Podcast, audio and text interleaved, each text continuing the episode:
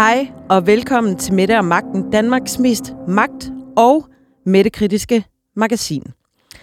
Det står så gralt til med sagsbehandling, behandlingstiderne på agtindsigter i Sundhedsministeriet, Statens Serum Institut og i Styrelsen for Patientsikkerhed, at Folketingets ombudsmand har valgt at orientere Folketinget om det, fordi han finder situationen så bekymrende.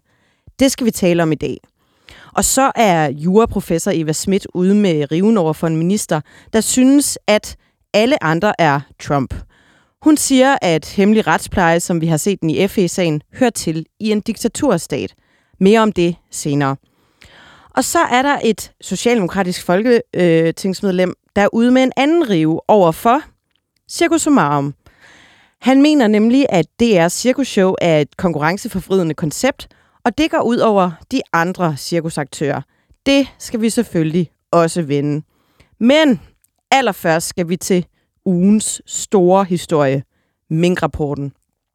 Den udkommer jo som sagt næste uge, men Weekendavisen har fået lov til at lure lidt i rapporten på forhånd. Og det er ganske grove løjer. Det tager vi selvfølgelig op som det allerførste. Velkommen til Mette og Magten. Jeg hedder Anne Kirstine Kramon.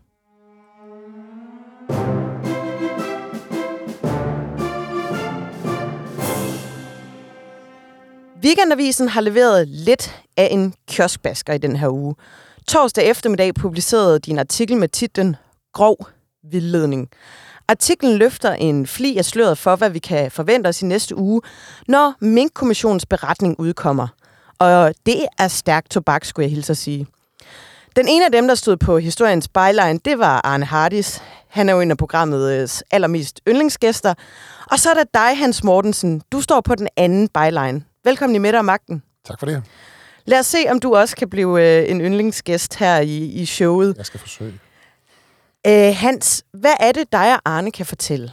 Altså, vi, har, øh, vi kan fortælle, hvad der står i dele af konklusionen, eller altså det er et udkast til konklusion, fordi det er sendt i høring hos alle, der ligesom har været involveret i den her sag, og så kan man komme med udtalelser. Så det er et udkast, øh, og så kommer den endelige rapport, øh, som vi ved, torsdag i næste uge. Men i udkastet til konklusion har vi haft nogle dele af, hvor vi ligesom kan se, hvor hovedsporet i den her kritik går hen af. Altså, og det er, det er en ret voldsom kritik af regeringen, af embedsfolk, af, af, af alle mulige, der har haft med den her sag at gøre.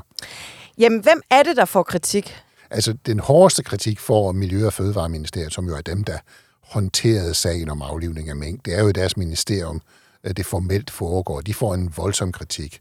Øh, øh, særdeles kritisabel hedder det. Det er på den høje ende af, hvad man bruger i den slags øh, kommissioner. Men statsministeriet får også en voldsom kritik, øh, fordi de har jo også sagsbehandlet, hvad er ret usædvanligt. Øh, det er noget, der ligesom er helt nyt under den her regering, at, at statsministeriet går så dybt ind i sagerne, som de blandt andet gjorde i Mink-sagen, og derfor får de også en kritik. De får ansvaret for en forceret proces, hvor, øh, hvor man til side så ligesom øh, ikke fik spurgt, om der var lovhjemmel osv. Det, det viser, at det, der ikke var lovgrundlag for at, at forlange alle mink aflivet, kun dem, der var inden for at dem, der var smittet, og dem, der, der var tæt på smittede besætninger. Så, så det hele var, var i strid med loven, og, og statsministeriet får et voldsomt ansvar. De får meget kritisabelt, som er sådan... Steppet under Fødevareministeriet. Næst, næst højeste på skalaen. Er det en reel skala, eller er det bare... Nej, det er sådan, det er sådan, det, er, en... det er sådan noget sprog, ikke? Det er sådan noget juristsprog, som, som, øh, men det er sådan, øh, når man spørger jurister, så er det, så er det voldsom kritik, ikke? Altså både kritisabel, meget kritisabel, særdeles kritisabel. Der er ikke sådan en skala, hvor man kan se det, det her svare til et, øh, til 13, et 13, på, 13 på den gamle skala. Ja. Altså, på den måde er det jo ikke, men, men det er øh, i den høje ende af, hvad, Ja, altså der er jo en ret skarp kritik øh, af, af selve sådan, beslutningssystemet og det her centraliserede system omkring øh, statsministeriet. Kan du uddybe lidt, hvad det er for nogle øh, elementer, der bliver peget på i, i rapporten? Der bliver peget på, at, øh, at man ikke får spurgt til, om der er lovhjemmel. Altså, for det første er der jo nogen i Fødevarestyrelsen, der er klar over, at det her er et problem. De får det ikke sagt. Øh, statsministeriet får ikke spurgt. Øh, man beslutter det over kort tid, øh, og det bliver ligesom ikke... Øh, der er ikke nogen, der er opmærksom. Det har han jo også sagt, den tidligere departementchefen i Miljø- og Fødevareministeriet, Stusgaard. Det var ikke top of mind, om det var lovligt, det man foretog sig. Og det er jo lige præcis det, der i hvert fald for embedsfolk skal være top of mind. Øh, intet skal være mere top of mind, end at det er lovligt, det vi sidder og laver. Det er embedsfolkenes øh, opgave.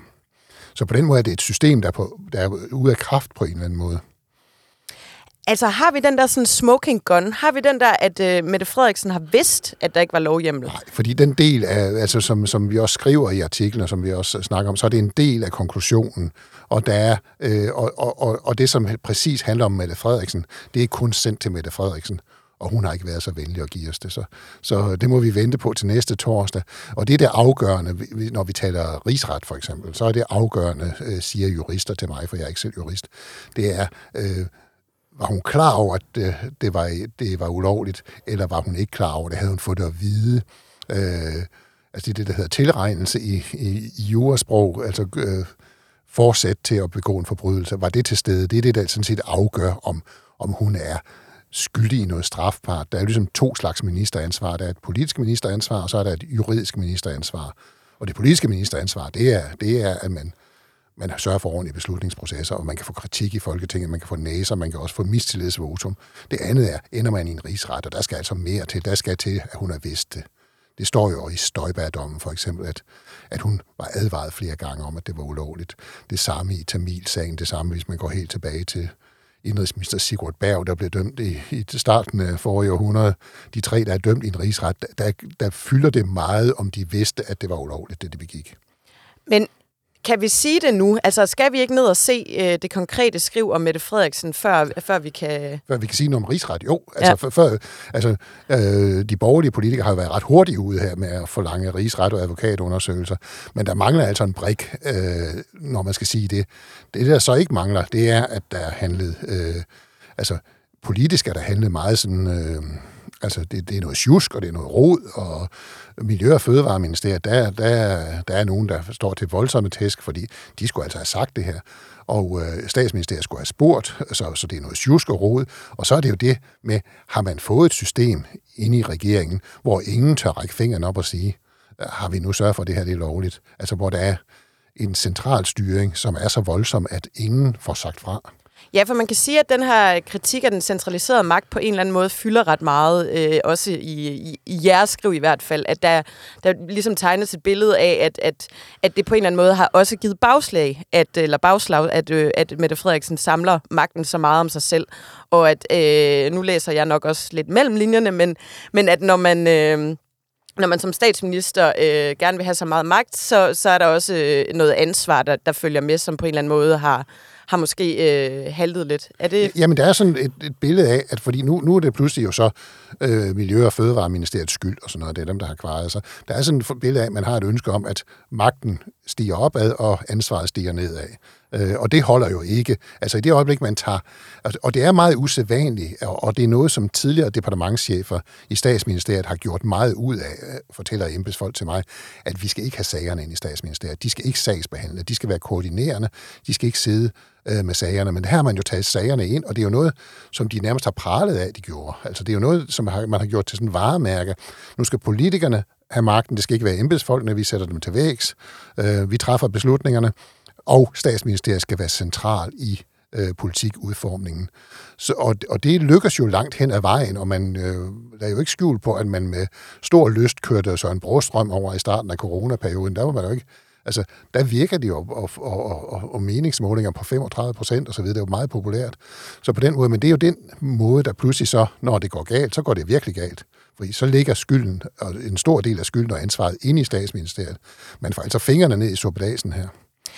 Um, der er noget med de her embedsmænd, og øh, nu har jeg set øh, forskellige øh, professorer i øh, forvaltningsret for eksempel være ude og udtale sig. Der er ingen, der udtaler sig specielt skråsikkert øh, i sagens natur, fordi det her jo er et læk fra en rapport.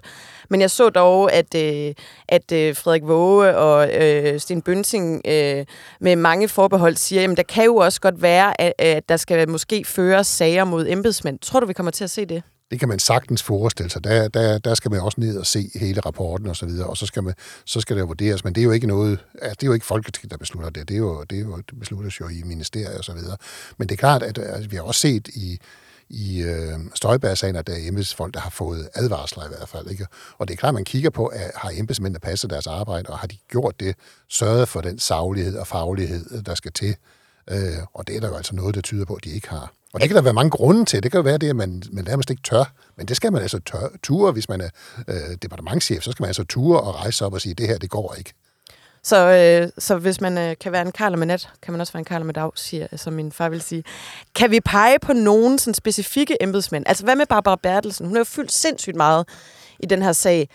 Er der nogle indikationer af, hvordan hun står? Nej, altså det, det, der er ikke noget konkret om hende, men der er jo en, altså når der er enorm kritik af statsministeriet, statsministeriet har handlet meget kritisabelt, så er det jo hendes system, der har handlet meget kritisabelt. Det er jo hende og Mette Frederiksen, der er de ansvarlige på hver deres måde for, hvad der foregår i statsministeriet. Så, så altså et kæmpe ansvar. Altså når deres system har handlet ifølge kommissionen meget kritisabelt, så er det, peger pilen jo altså på dem. Og så må vi se lidt mere konkret om, hvad der står om dem. Det ved, øh, altså Barbara Bertelsen ved, hvad der står om Barbara Bertelsen. Jeg ved det ikke. Nu har du jo øh, dækket politik i, i mange, mange år, og hvis du sådan år. kigger på et øh, lidt større perspektiv for statsminister, hvor på kriseskalaen står Mette Frederiksen lige nu, hvis vi siger sådan 1-10 skala? Ja, men det er, det er en voldsom, altså det, den, er, den, er, der er oppe i den høje ende, men jeg ved, det kommer jo også an til, politik er jo noget mærkeligt noget. Øh, det er jo ikke altid sådan gjort af, af fast stof.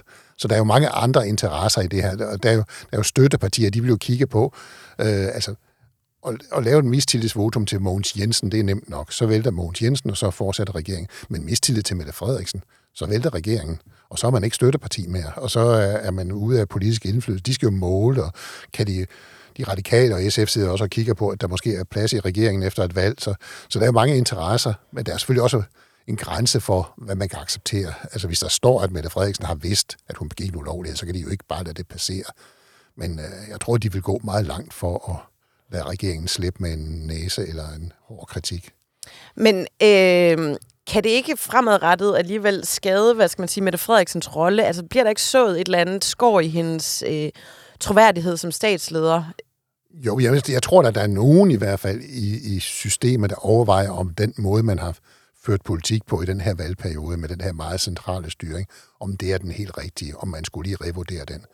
Og kommer der efter valget, hvad man godt kunne formode, flere partier i regeringen, hvis, hvis nu Rød Blok vinder, det er jo heller ikke givet, alt, intet er jo givet i politik, men, men kommer der flere partier i regeringen, så kan det jo heller ikke praktiseres. Altså, så, så er der jo, altså det kan man jo kun praktisere en etpartiregering. Så, så der er nogle opbrud i det her på vej, vil jeg tro. Kan man sådan sammenligne det med, altså nu var du selv lige kort inde på Tamil-sagen før, der valgte øh, Slytter jo at gå af øh, på dagen eller dagen efter den øh, rapport, der undersøgte den sag udkom. Altså er der nogen sådan, øh, kan man forestille sig sådan et scenarie? Det vil komme meget bag på mig, hvis Mette Frederiksen sådan frivilligt gik af. Øh, det tror jeg slet ikke, hendes scen er til. Der var jo også en, altså, det havde Slytter måske heller ikke gjort, hvis det havde været fire år før. Altså han var måske også på, på regeringens slutning, og han kunne se, at det her, øh, han ønskede på det tidspunkt, som sagerne stod, ikke et valg på udlændingesagen. Øh, det ville have været helt kaotisk på det tidspunkt. Så øh, det var jo en helt anden stemning, der var omkring udlændingepolitik dengang.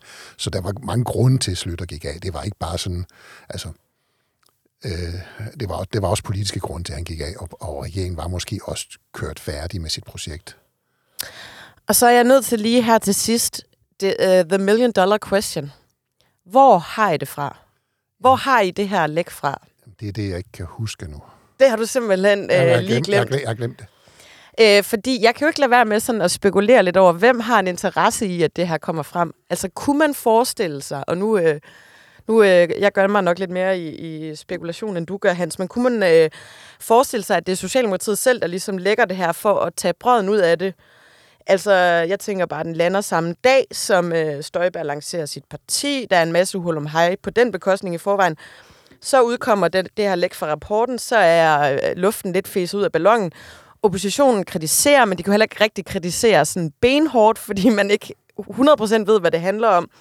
Øh, og derfor er jeg nødt til at tale mulige forbehold, og så bliver det måske ikke en lille bøvs, når den udkommer i sin fulde øh, øh, eller hvad hedder det, fulde form næste uge, men alligevel så er der ligesom taget lidt hul på festen, og, og gassen er lidt, lidt festet i ballonen.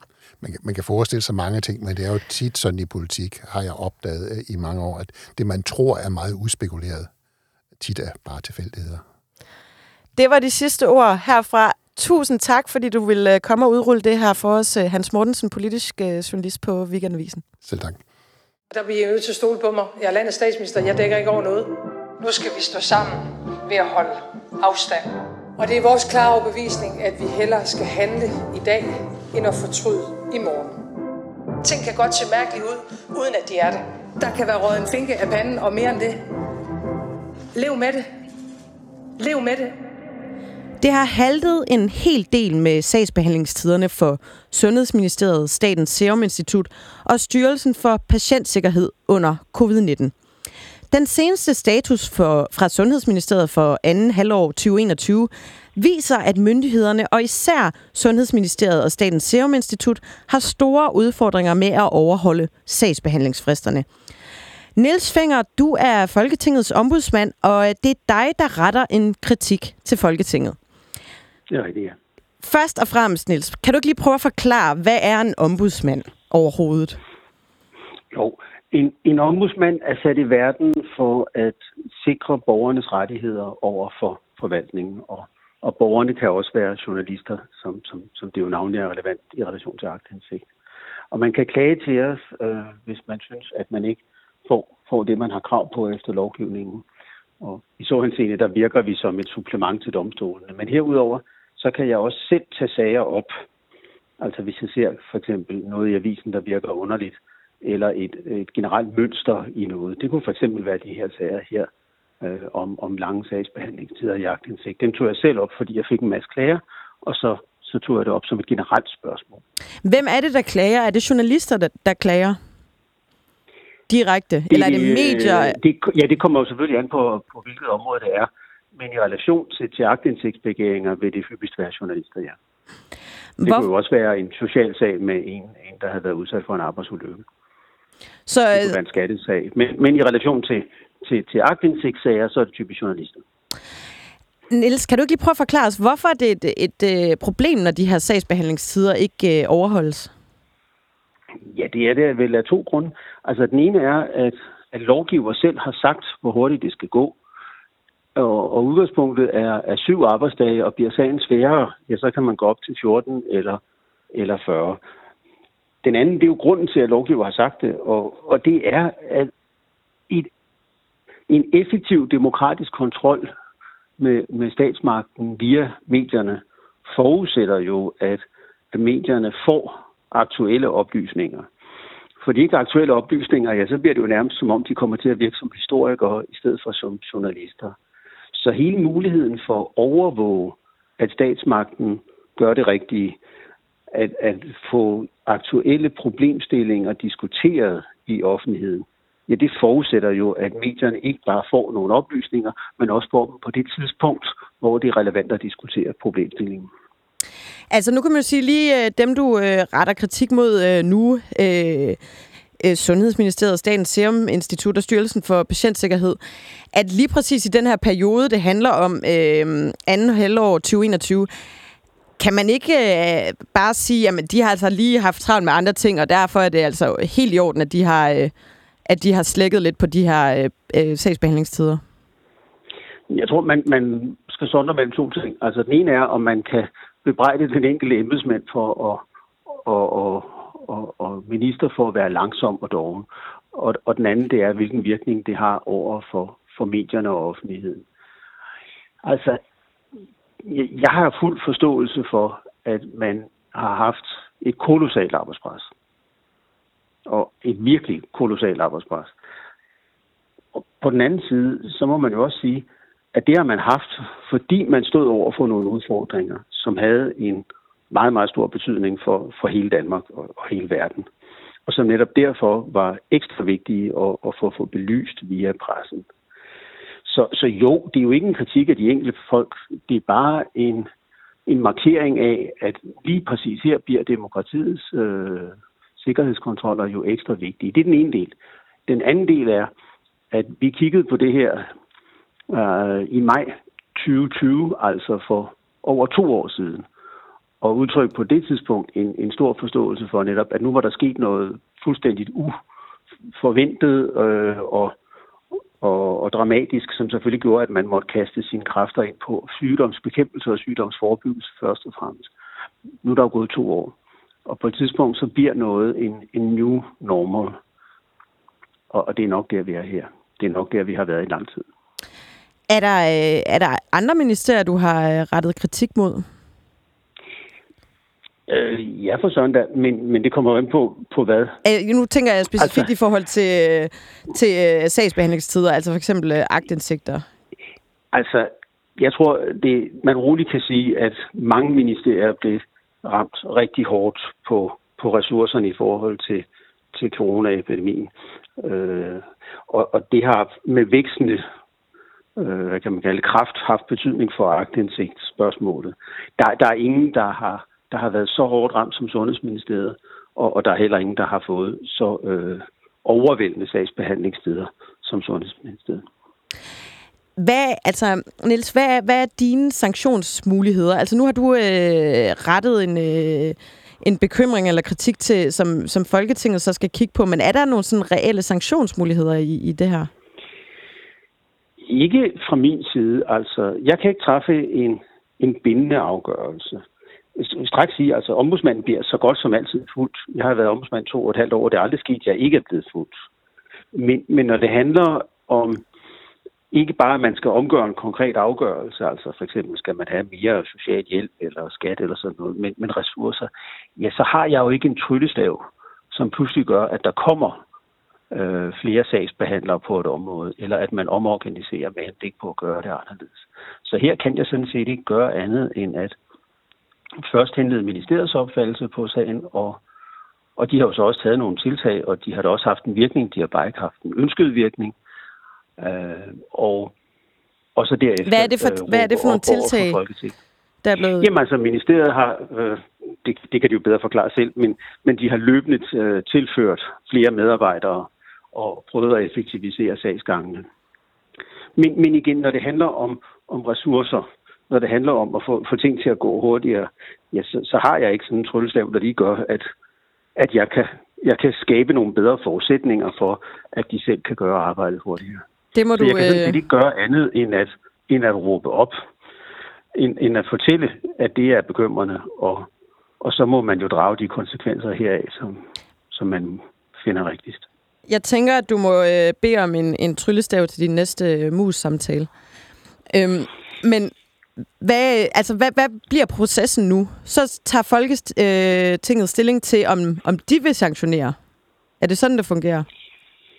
Ja, det er meget, meget sjældent, at, at ombudsmanden underretter Folketinget om problemer. Normalt snakker man bare direkte med den myndighed, der har problemer.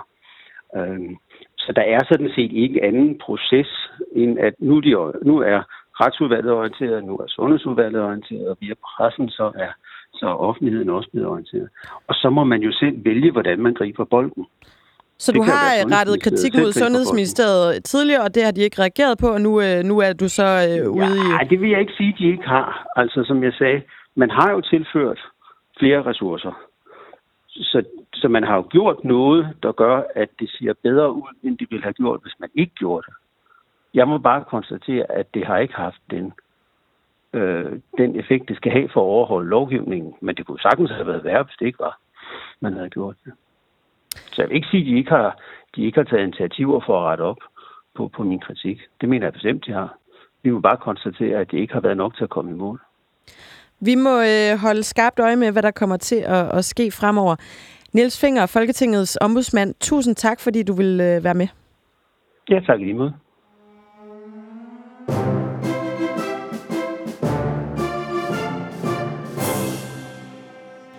De seneste par uger har der været en del snak om, hvem der er Trump, hvem der ikke er, og det har faktisk egentlig ikke kun været de seneste par uger. For hele regeringsperioden har på en eller anden måde været præget af en Trump-pegenfinger frem og tilbage på tværs af de politiske fløje. De seneste uger, der har det været beskæftigelsesminister Peter Hummelgaard, der har været efter Jakob Ellemann med en kras Trump-kritik. Man har overgivet sig så langt hen til mistillid og konspirationer, at man ikke er i stand til alene at tage ansvar for at have viden om fakta, om noget så alvorligt som Forsvarets efterretningstjeneste og politiets efterretningstjeneste, lyder kritikken fra beskæftigelsesministeren om Venstres leder. Det er ikke første gang, øh, Peter Hummelgaard synes, at øh, hans omgivelser de minder om Trump. Frihedsbrevet har været så gode, at de faktisk har lavet en hel opgørelse af de gange, hvor Peter Hummelgaard har været, har været efter andre politikere og kaldt dem for Trump. Det drejer sig om blandt andet om Pia Kærsgaard, hans egen øh, partifælle Måns Lykketoft. Øh, derudover er folketingskandidat for Dansk Folkeparti, Janne Nielsen, blevet kritiseret af ministeren for at have trump udfald, mens Lars Lykke har fået læst og påskrevet, at han pro- øh, promoverer trumpske tilstand i Danmark. Det samme har Inger Støjberg. Hele Blå Blok er samlet set blevet kritiseret for at føre en amerikansk inspireret smedekampagne mod statsministeren og for at følge Donald Trumps kontroversielle rådgiver Steve Bannons drejebog. Ellemann og Pape er også som par blevet kritiseret for at have lært meget af Trump. Og jeg kunne blive ved. Eva Schmidt, professor emerita i øh, Jura ved Københavns Universitet. Velkommen til Mette og Magten. Jo, tak skal du have. Du har skrevet et debatindlæg i politikken med, hemmelig, et, med titlen Hemmelig retspleje hører til diktaturstater, ikke i et øh, frit demokratisk samfund. Og det har du for at øh, kritisere Peter Hummelgaard. Vil du ikke lige prøve at forklare, hvad din kritik går på? Jamen, det går jo først og fremmest på, at det, de ting, Trump får lavet, de er så langt ude og så utrolige. Så jeg synes, de synes det er groft at sammenligne øh, almindelige danske politikere og, og en almindelig opposition. Det er oppositionens opgave netop at være i opposition til regeringen, og så så snart de klipper et eller andet, siger man, åh, åh, det er Trump-relateret. Det synes jeg er langt ude, og jeg mener sådan set, at det, at det, kun, det falder kun tilbage til på, på afsenderen. Øh, og jeg tror ikke, der er nogen, der hører efter, fordi man siger, ah, sammenlignet med Trump, det er måske lige lovligt mad. Og så, altså, at skyde gråsbord med kanoner er altid en dårlig idé. Ja, altså, øhm, du, du kritiserer jo i det her debatindlæg, at øh, Hummelgaard han øh, ikke har, har forstået oppositionens rolle. Og nu siger du, øh, at, øh, at, han, øh, øh, at oppositionens rolle jo netop er at kritisere. Øhm, men han siger jo også, at øh, oppositionen viser mistillid til myndighederne og til embedsmændene. Har han ikke øh, ret i det, at, øh, at der bliver udvist for meget mistillid? Jamen det er, det er jo det, jeg siger, det er jo fordi, han ikke rigtig har forstået systemet. Altså systemet er jo sådan, at det er anklagemyndigheden, der dels rejser, der dels efterforsker sagerne, og dels rejser sagerne. Og det skal de gøre under et objektivitetsprincip, så den uskyldige ikke bliver retsforfulgt. Men det er jo meget, meget svært at være fuldstændig objektiv, når du både skal efterforske sagerne og afgøre, om der nu kan rejses tiltale i den sag, du måske har brugt måneder, sågar altså år på at efterforske. Så skal du altså beslutte dig til, er der nu nok til, at jeg kan rejse tiltale, eller er det års arbejde spildt? Det er meget svært at være fuldstændig objektiv, og det er derfor, vi har de øh, uafhængige domstole til at vurdere sagerne. Ellers kunne vi jo bare, så kunne vi bare have Rigsadvokaten og sige, det er jo fint. Hvis Rigsadvokaten mener det, så er det jo så nok, nok rigtigt. Vi har tillid til ham. Og det er mere det er en misforståelse, fordi det skal for domstolen. Det er ikke øh, Rigsadvokaten, der afgør, om folk er skyldige eller ej. Altså, øh, i hele den her FE-sag, som jo har fyldt enormt meget, øh, både på, på, på Christiansborg og, og også ude i, øh, i offentligheden, øh, Claus Hjort, han siger jo, at, at det hele bunder i, i bemærkninger, som ligesom var offentligt kendt. Øhm, hvad fortæller det dig om, om hele den her sag her, at der så alligevel er, er lukkede døre? Jamen, det, det synes jeg også er højst mærkeligt. Jeg kan, jeg kan slet ikke få det til at hænge sammen, udover at jeg mener jo, det er jo ikke første gang, vi ser, at PET øh, ikke kan vurdere, om, om øh, ting er hemmelige, eller de har været ude i offentligheden. Vi så det jo med Jacob Scharf-sagen, hvor 28 anklagepunkter. Øh, han blev frifundet for de 27, og det sidste fik han så nogle dagbøder for. Og det viser jo, at det er meget svært for PET at vurdere, hvornår har man overskrevet sin tavshedspligt, og hvornår er, er det, man taler om, noget, der er almindeligt kendt i offentligheden. Ja, fordi... Så, ja, bare fortsæt. Ja, Nå, jamen, jeg synes sådan set bare, at, at man følger en linje, som, som vi har set før. Øh, at, at det ikke er nemt for PET at vurdere, hvad der skal hemmelighedsholdes, og hvad der skal ikke skal hemmeligholdes. Så, så øh, og, og det bunder eller det kan man så øh, vel også sige, at, at derfor er øh, oppositionens kritik reel i dine øjne? Når de kritiserer hele yes, det her forløb yes. med hemmelige briefinger hos øh, justitsministeren? Altså, jeg synes i hvert fald, at det er helt i overensstemmelse med grundloven, når man siger, at vi vil ikke tage stilling til en tiltale, øh, hvor vi ikke kan få at vide, hvad tiltalen egentlig går ud på. Det synes jeg ikke, man kan bebrejde nogen. Det synes jeg er helt i overensstemmelse med den, den pligt, der, der, øh, der gælder for et folketingsmedlem. Du, og jeg kan ikke forstå, at man siger, at det er udemokratisk, og hvorfor tror I ikke på Rigsadvokaten og sådan noget. Der er jo ikke nogen, der ikke tror, at Rigsadvokaten, han udfylder sikkert sin rolle, så, så godt han nu kan, ud fra de forudsætninger, han har, og den opfattelse af sin rolle, han har. Men sk- derfor er det jo ikke givet, at vi alle er enige med ham. Men skulle man have i dine øjne lagt sagen ud? Altså sådan, at I, måske i hvert fald folketingsmedlemmerne øh, kunne have fået at vide, øh, hvad det hele handlede om, øh, og med den øh, risiko, der så er for, for et læk af den? Altså, hvis det, hvis det er rigtigt, som Claus Hjort siger, at det drejer sig kun om oplysninger, som har været offentligt fremme, så kan jeg ikke se nogen grund til, at man ikke skulle fortælle til folketingsmedlemmerne. For så er hans, ene brøde, hans eneste brøde jo, at man kan sige, ja, men der er ikke nogen øh, personer, officielle personer, der har sagt, at det er rigtigt med for eksempel den der ledning, som amerikanerne har fået lov at tabe. Det ved vi kun fra Snowdens papirer. Men der er jo heller ikke nogen personer, offentlige personer, der har sagt, Snowdens papirer er ikke ægte. Så, ja. Jeg øh... mener, hvis det, hvis det er det hele, altså det, han har udtrykt offentligt, så forstår jeg ikke, hvorfor det skal hemmeligholdes. Altså, øhm, du skriver i dit uh, debatindlæg i politikken, at, at Peter Hummelgaard, han skulle ligesom have rådført som embedsmænd i sit ministerium, før han tog den her kamp op. Hvad, hvad mener du med det? Jeg mener, at det er som om, han ikke har forstået, hvad Rigsadvokatens rolle er. Altså, det er som om, han tror, at, at hvis Rigsadvokaten siger noget og mener, at der skal rejse tiltale, så skal vi alle sammen klappe hælene sammen og sige, nå okay, jamen så skal der naturligvis rejse tiltale. Og der mener jeg altså, at man kunne have forklaret ham, at Rigsadvokaten står i den situation, at han både skal efterforske sagen og vurdere, om der skal rejse tiltale, eller at system skal. Øh, og Rigsadvokaten har ikke altid ret i sin vurdering.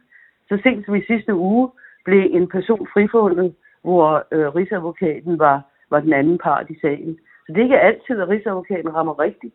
Det er jo klart. Han kan jo ikke altid ramme rigtigt. Så derfor så, øh, er det med, med, med fuld føje, man siger, vi vil godt vide, hvad det er, han anklager Claus Hjort for, før vi, øh, før vi ophæver hans immunitet. Det kan jeg ikke forstå, der er noget som helst galt Jeg tror ikke, at Hummelgaard helt har opfattet, hvad Rigsadvokatens rolle egentlig er. Det lyder nærmest som om, han tror, det er en domstol, og når han mener et eller andet, så må det naturligvis være rigtigt, og så skal man bare sige ja tak. Du, du er lidt inde på det her, øh, du var inde på det lidt tidligere med, at, øh, at øh, systemet eller Rigsadvokaten jo ikke er objektiv. Burde man ikke kunne forvente, at et system er, at når en, en, en Rigsadvokat øh, går ind og, og øh, rejser en tiltale, at så, øh, så er der en eller anden form for objektivitet inde i det, over det? Jamen, jeg er slet ikke i tvivl om, at han gør alt, hvad han kan for at være objektiv.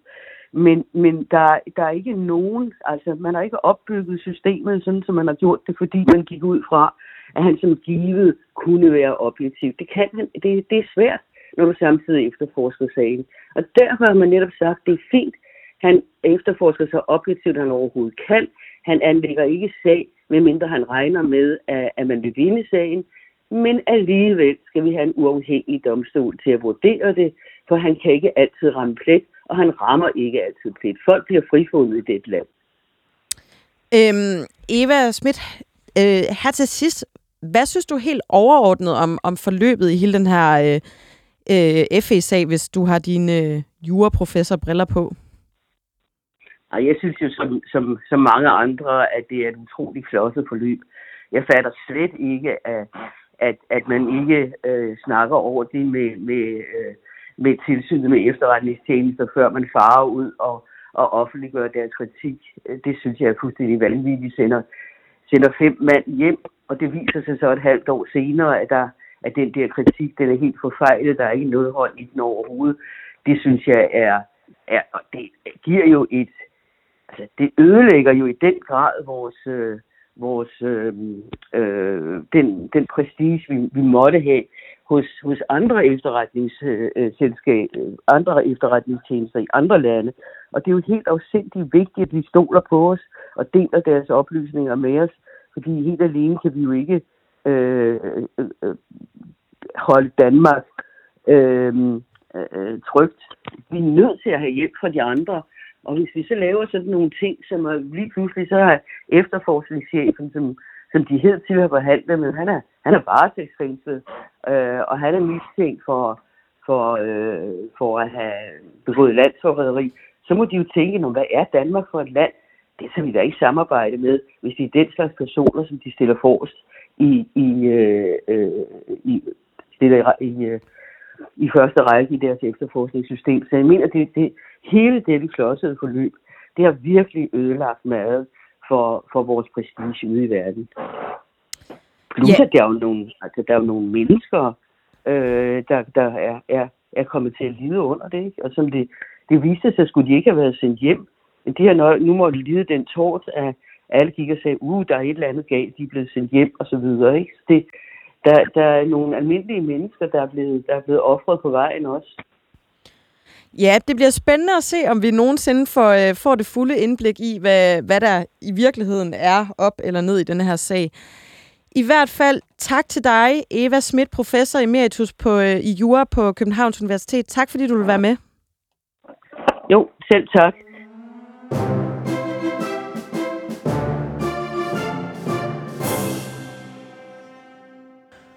Udvander DR med deres øh, Circus Somarum den ægte cirkusvare. Det mener Anders Kronborg, som er medlem af Folketinget for Socialdemokratiet og medlem af Folketingets kulturudvalg. Anders, du retter en øh, temmelig skarp kritik af DR i Berlingske den her uge. Du mener simpelthen, at øh, Circus Omarum øh, udvander den ægte cirkusvare. Først og fremmest, Anders, hvad er den ægte cirkusvare? Jamen, den ægte cirkusvare, den har vi heldigvis øh, stadig tilbage i Danmark. Ikke så stor, som den var tidligere, men det er jo et cirkus med øh, savsmuld i øh, manesien, verdensomspændende øh, artister, cirkus, der kommer rundt i, øh, i hele landet. Også de små samfund, hvor kulturen ofte er omkranset af en øh, håndboldhal, hvor børnene de glæder sig til, at cirkusteltet det bliver rejst. Cirkusvognene, som der har været kredset for, detaljeret kører ind på, på cirkuspladsen, og den er helt særlige magiske stemning, den er i, øh, i landsbyen i et par dage, mens cirkusteltet det står, det står oprejst. Det er i min verden øh, helt rigtigt cirkus, hvor kulturen jo ikke kun er det, der sker inde i, i selve den runde manege, men også hele det setup rundt omkring øh, cirkus, hvor cirkusnummer de er gået i arv fra øh, familiemedlemmer til andre familiemedlemmer, kendte artister. Så det er noget helt, helt øh, særligt, og i øvrigt en meget vigtig øh, kulturarv. Hvornår har du selv sidst været i cirkus? Uh, det har været flere gange øh, den, her, den her sæson, både øh, Cirkus Arli på, øh, på Frederiksbergs øh, runddel. Jeg har været et par gange øh, ude at se øh, Cirkus øh, Arenas øh, forestilling, både da de øh, havde den på Cirkushøjs øh, Bellaplads til deres premiere, og så også da de øh, kørte ind på Cirkuspladsen her i Esbjerg, hvor jeg selv kommer fra. Og så har jeg også været en, en afstikker ude i, øh, i Herlev, og set uh, Circus uh, Baldonis uh, forestilling i år. Hvis vi nu skal fokusere på, på din kritik her, altså hvad er det, du mener, at DR gør mod uh, cirkusverdenen med deres uh, Circus Somarum? Det er klart, at konkurrence det er, det er jo ikke usundt. Cirkuserne indbyrdes, de konkurrerer jo også uh, om billetterne mellem hinanden. Men det er klart, DR har jo i mange år været rigtig dygtig, og det er meget vigtigt, vil jeg gerne understrege. Det ruser jo også DR for i min, i min kronik, at have de her fælles øh, præferencerammer. Det kan jeg jo selv huske fra min barndom med Anna og Lotte, Bamse og Kylling, som vi alle sammen kunne øh, snakke mere om. Og nu er det DR's øh, Ramazan-univers øh, med øh, Motormille, øh, Christian, Onkel Reje og alle de andre.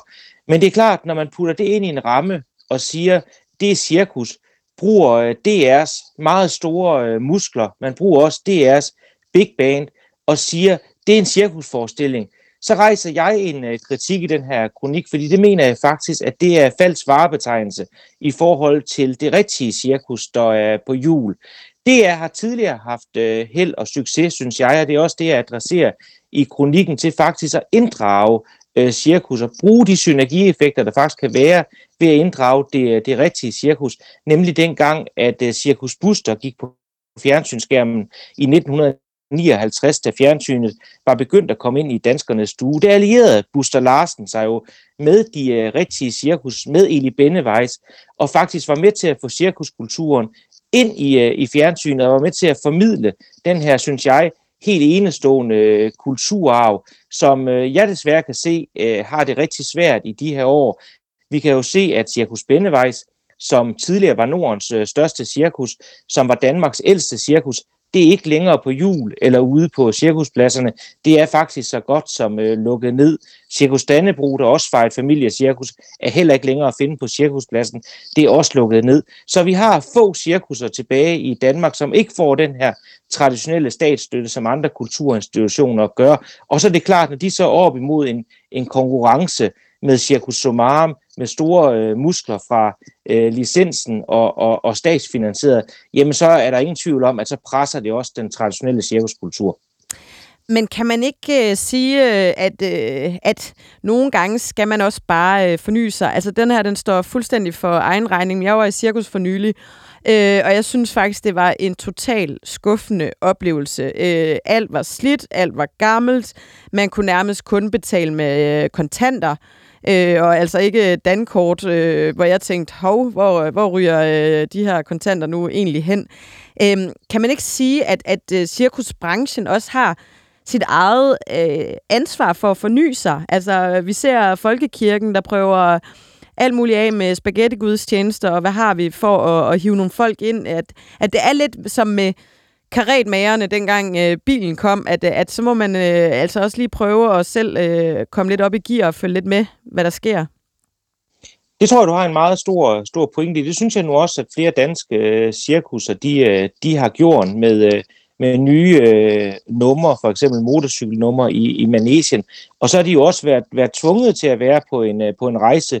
Først blev de helt vilde dyr øh, forbudt i øh, cirkus, altså tigerne og de farlige rovdyr. Og i den her folketingsperiode, der har vi jo blandt andet med et stort flertal på Christiansborg taget cirkuselefanterne ud af cirkus. Der var fire cirkuselefanter tilbage i de danske cirkuser, tre i Cirkus Arena, og en i Cirkus Trapez. Det er den mest kendte, det er den, der hedder Ramboline, den, der havde sin gode ven Kamelen Ali. De har det rigtig godt i dag i øh, Knuttenborgs øh, Safari Park. Så der er ingen tvivl om, at du har en pointe i, at selvfølgelig skal cirkus forny sig. Det synes jeg også, vi kan se øh, rigtig gode eksempler på. For eksempel Cirkus Arena, øh, har jo i den grad forsøgt øh, at forny sig, både i forhold til, øh, til sprækstallmeisterne, men jeg synes jo også, når man er inde i et cirkus, så er der også noget nostalgi, man skal have respekt for. Selvom vi er i 2022, så kunne man jo ikke forestille sig, at det kongelige teater ikke længere spiller en øh, god øh, Holberg-koncert. Så der er jo også noget i forhold til kulturgenren, som man skal, synes jeg, have en øh, stor respekt for. Og så er det jo også meget vigtigt, synes jeg, at huske på i den her kultur, at det, der jo sådan set har været drivpunktet i, i cirkus, det er uanset om du har været en rigtig dygtig uh, cirkusprinsesse i pajetkjolen derinde.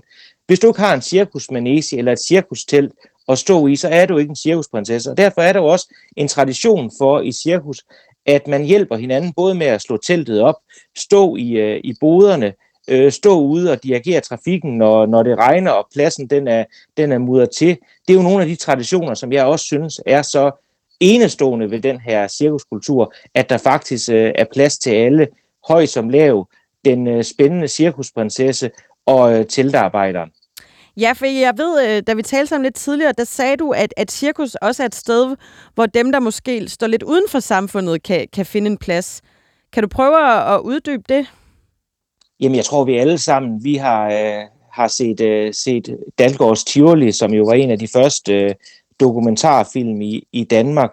Øh, der kan vi jo godt se, at nogle af de her medarbejdere, som, øh, som er med Dalgårds Tivoli, jamen, øh, de har det lidt, øh, lidt svært. De skal ligesom finde en ramme og, og passe ind.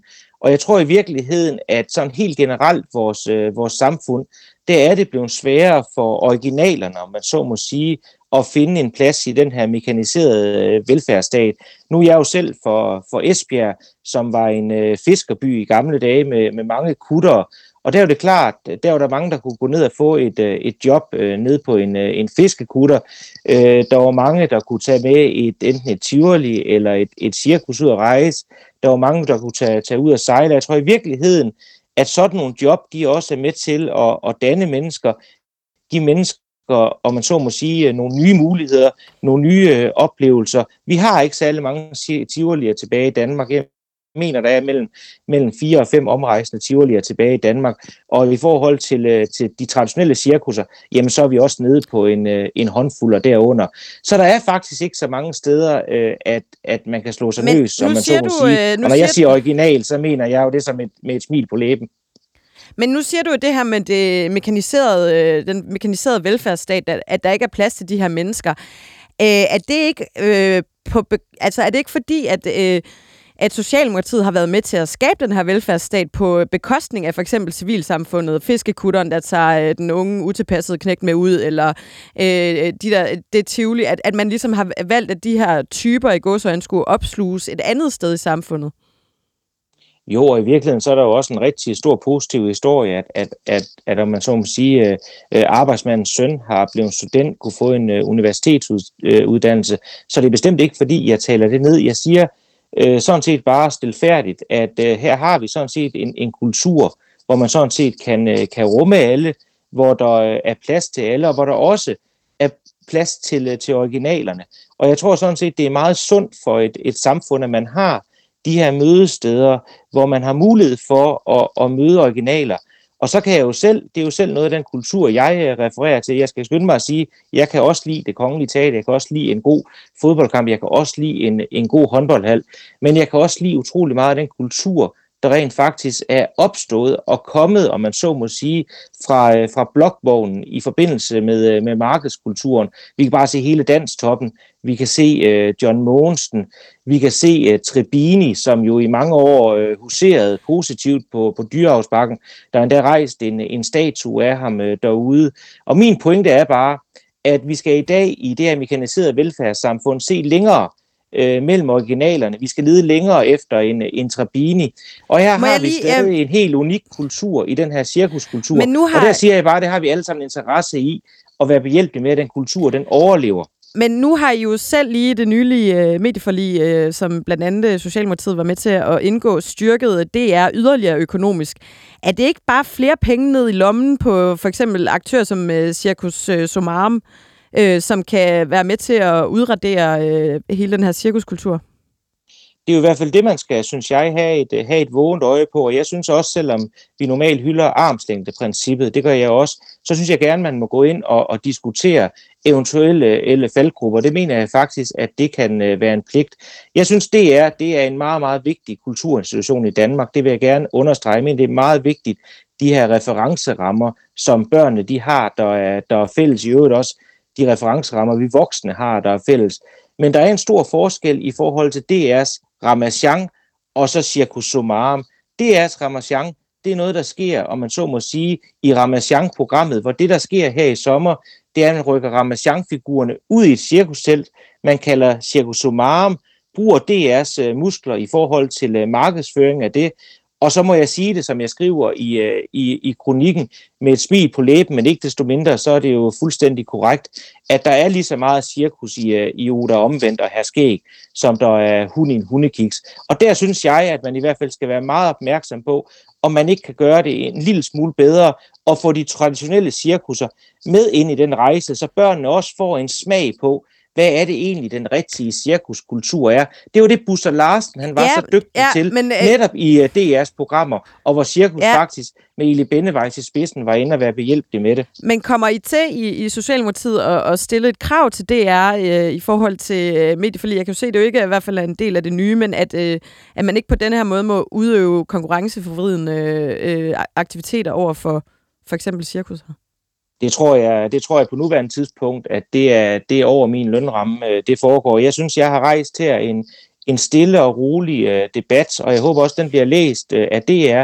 Jeg håber også, den bliver læst af aktørerne i Cirkus Circus Omarum. Jeg ved jo, at især en af aktørerne, nemlig Mille Gore, som jo har karakteren uh, Motormille, hun har jo også været ude at rejse øh, med de traditionelle cirkusser. Jeg ved, at hun i, i skoletalerne også hylder den her, den her cirkuskultur.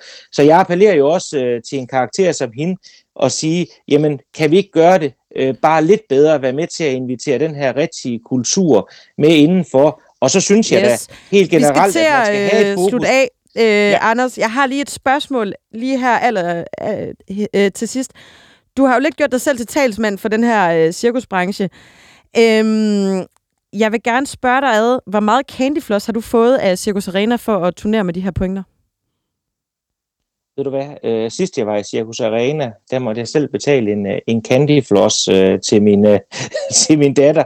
Men øh, jeg har en god dialog øh, med, øh, med cirkusbranchen og, og andre kulturer øh, personligheder. Jeg har i øvrigt øh, haft den passion øh, altid øh, i forhold til cirkus. Jeg kan også øh, selv cykle på et hjul cykel, jonglere med kejler. Vil jeg, gerne. jeg startede selv som ganske ung. Vil du ikke komme ind og vise det? Det kunne være, vi skulle tage den. Øh, det kunne være, vi ja. skulle jo, men i virkeligheden så minder det jo meget om, om politik, ligesom, ligesom man på en cykel skal holde balancen, så skal man også det i uh, politik, og man skal også i cirkus kunne have mange bolde i luften. Det skal man også i, uh, i politik. Så det er i virkeligheden en, en passion og en interesse, jeg har, har haft altid, ligesom jeg tænker, at der er andre, der har haft en, en passion for, for fodbold, så har jeg bare tydeligt. haft den i cirkus.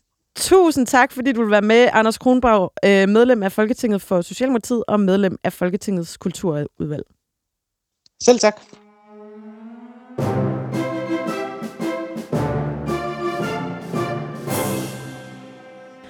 Og så skal vi jo som sædvanligt til ugens Astrid. Igen i denne uge er der flere gode kandidater. Man kunne selvfølgelig endnu en gang dykke ned i Rasmus Prehns Cirkus, hvor Ekstrabladet i denne uge har lavet en follow-up til historien om øh, ministerens styre om middag, og hvordan han har tilbagebetalt udlæg fra sit ministerkort. 11.505 kroner har han brugt helt præcis, og han har så betalt, det tilbagebetalt 5.839 af dem. Er det ikke lidt i småtingsafdelingen? Jo, det er det. Men når det sker gentagende gange, at der skal øh, tilbagebetales penge, så kan man jo sagtens kritisere en manglende respekt for det system, man er en del af. For øh, så er man også klar over, at man ikke skal lave de her private udlæg med sit ministerkort. Men vi vender i stedet blikket mod statsministeren. Hun har nemlig fået et brev fra Folketingets formand, sin egen partifælle, Henrik Dam Christensen. Frihedsbrevet de kan i den her uge fortælle, at øh, regeringen i et utilfredsstillende omfang har overskrevet fristen for fremsættelse af lovforslag. En femtedel af regeringens samlede lovforslag er fremsat efter fristen den 1. april. En frist, der er sat i verden for at sikre, at lovarbejdet har den rette tid og grundighed. Når man tænker på, hvad hastværk med lovgivningsarbejdet ellers har kostet, øh, kostet Danmark, så virker det besynderligt, at man ikke har en lille smule mere styr på at overholde fristerne i regeringen. Derfor bliver ugens Astrid altså Mette Frederiksen. Vi høres ved næste uge, hvor det som sagt er stor minkuge. Det skal nok blive rigtig spændende. For øh, Mette Frederiksen held med at overbevise støttepartierne om, at ting faktisk godt kan se mærkeligt ud, uden at de er det, det øh, vender vi tilbage til i næste uge. Indtil da, tak fordi du lyttede til Mette og Magten. I teknikken var Jonas Forlager, og jeg hedder Anne Kirstine Kramon.